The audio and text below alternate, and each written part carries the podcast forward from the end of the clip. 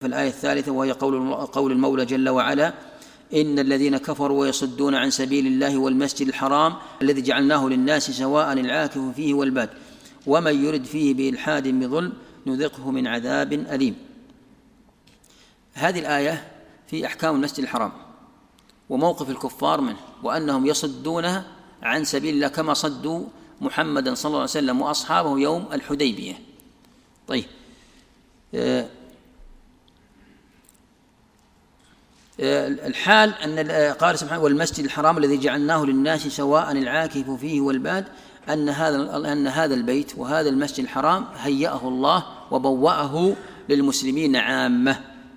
وسواء كانوا من أهل المسجد الحرام أو من من قدم إليه ولذلك قال سواء العاكف وهو المقيم في مكة الذي عكف وأقام ولزم المسجد الحرام أو الذي جاء وهو الباد الذي جاء من من من يعني من الآفاق. قال سواء كلهم سواء لا يمنعون من الدخول بيت. أما الذين كفروا فإنهم يصدون على حمية الجاهلية وإلا ليس لهم حق في صد أحد عن البيت عن البيت الحرام. قال سبحانه وتعالى بعد ذلك ومن يرد فيه أي في المسجد الحرام أو في مكة أو في الحرم عموما لأن هذه الآية أيضا آه، من دلالاتها هل هي المسجد الحرام يراد به المسجد المسجد الكعبة المقام المسور بأسواره أو يراد بذلك الحرم ككل قولان لأهل العلم منهم من قال بذلك ومنهم من قال بذلك والصحيح في ذلك أنه ينظر آه، في سياق الكلام. فإن قصد به الصلاة مثلا من العلماء من يقول الصلاة مثلا تضاعف إلى مئة ألف أو تكون بمئة ألف إذا كان في المسجد الحرام المسور بأسواره أو ما اتصلت الصفوف به. كخارج المسجد. ومن العلماء من يقول ومن, ومن يرى أن على العموم يقول مكة والحرم كامل وليست مكة حتى يكون خارج مكة كمنى ونحوها كل ما كان داخل الحرم فحكمه حكم المسجد الحرام في في المضاعفة وفي وفي الأجر وفي الوزر. يقول هنا وقال ومن يرد فيه بإلحاد بظلم أي من أراد الإفساد بإلحاد أو ظلم أو معصية أو بغي حتى الفسق والمعصية معظمة في مكة كما أن الحسنات معظمة ومضاعفة عند الله فكذلك السيئات معظمة عند الله سبحانه وتعالى. وهذه الآية الصريحة أن من أراد إرادة ولم يفعل ومنعه مانع لكنه عزم على أن يفعل معصية فإنه يؤاخذ بها. فإنه يؤاخذ بسائر لو أراد في أي مكان خارج الحرم. وهذا يؤكد على المراد بذلك هو الحرم أو يعني أوسع دائرة من المسجد الحرام فيقصد بذلك. لو أن إنسانا أراد معصية وهو في غير المسجد الحرام أو في غير الحرم وأراد معصية ثم صده الصاد ولم يفعلها فإنه لا لا لا لا يؤخذ بها ولا يحاسب عليها. ولكن هنا في المسجد الحرام له خصوصية أن من قصد به بمعصية أو بفسق أو بإلحاد أو بظلم فإنه يحاسب على ذلك وإن لم يزاول أو يفعل هذا الفعل. طيب بعدها قول الله سبحانه وتعالى والبدن جعلناها لكم من شعائر الله لكم فيها خير فاذكروا اسم الله عليها صواف فإذا وجبت جنوبها فكلوا منها وأطعموا القانع والمعتر كذلك سخرناها لكم لعلكم تشكرون.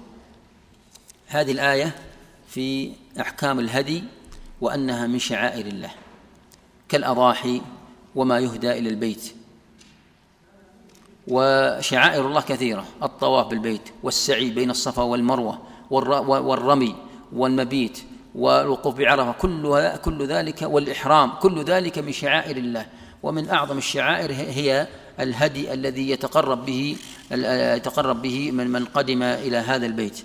قال سبحانه وتعالى والبدن جعلناها لكم من شعائر الله. البدن جمع بدنة والبدنة تطلق على الإبل من بهيمة الأنعام.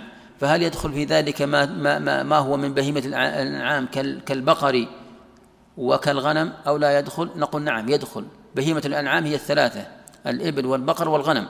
ولكن الله خص هنا لشرف الإبل ولي آه، ولي يعني لشرفها ولنفاسة قيمتها عند العرب.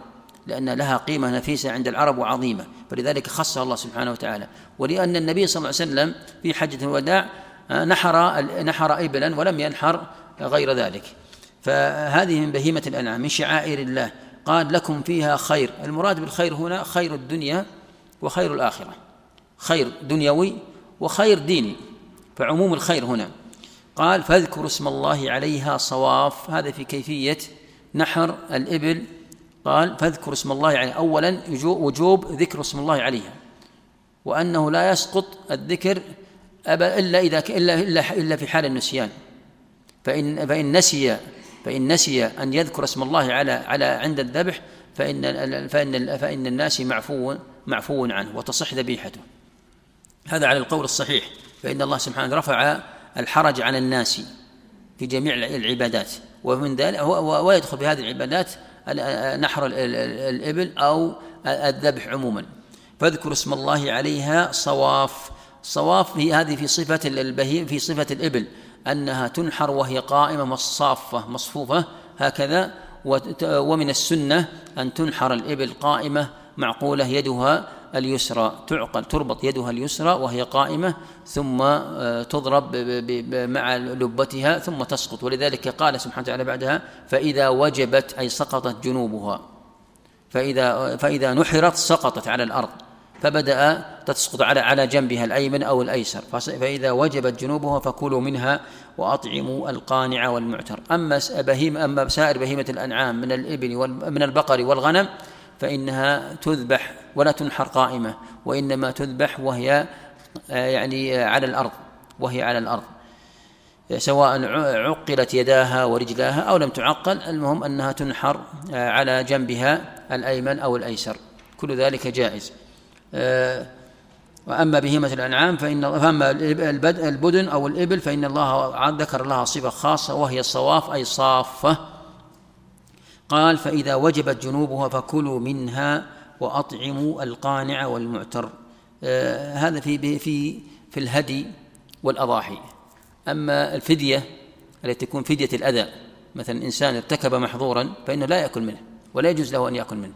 لو أن إنسان مثلا تجاوز الميقات مثلا أو لبس مخيطا أو ارتكب أي محظور من محظورات الإحرام أو خالف في في في في الحج أو في العمرة هذه تسمى فدية الأذى.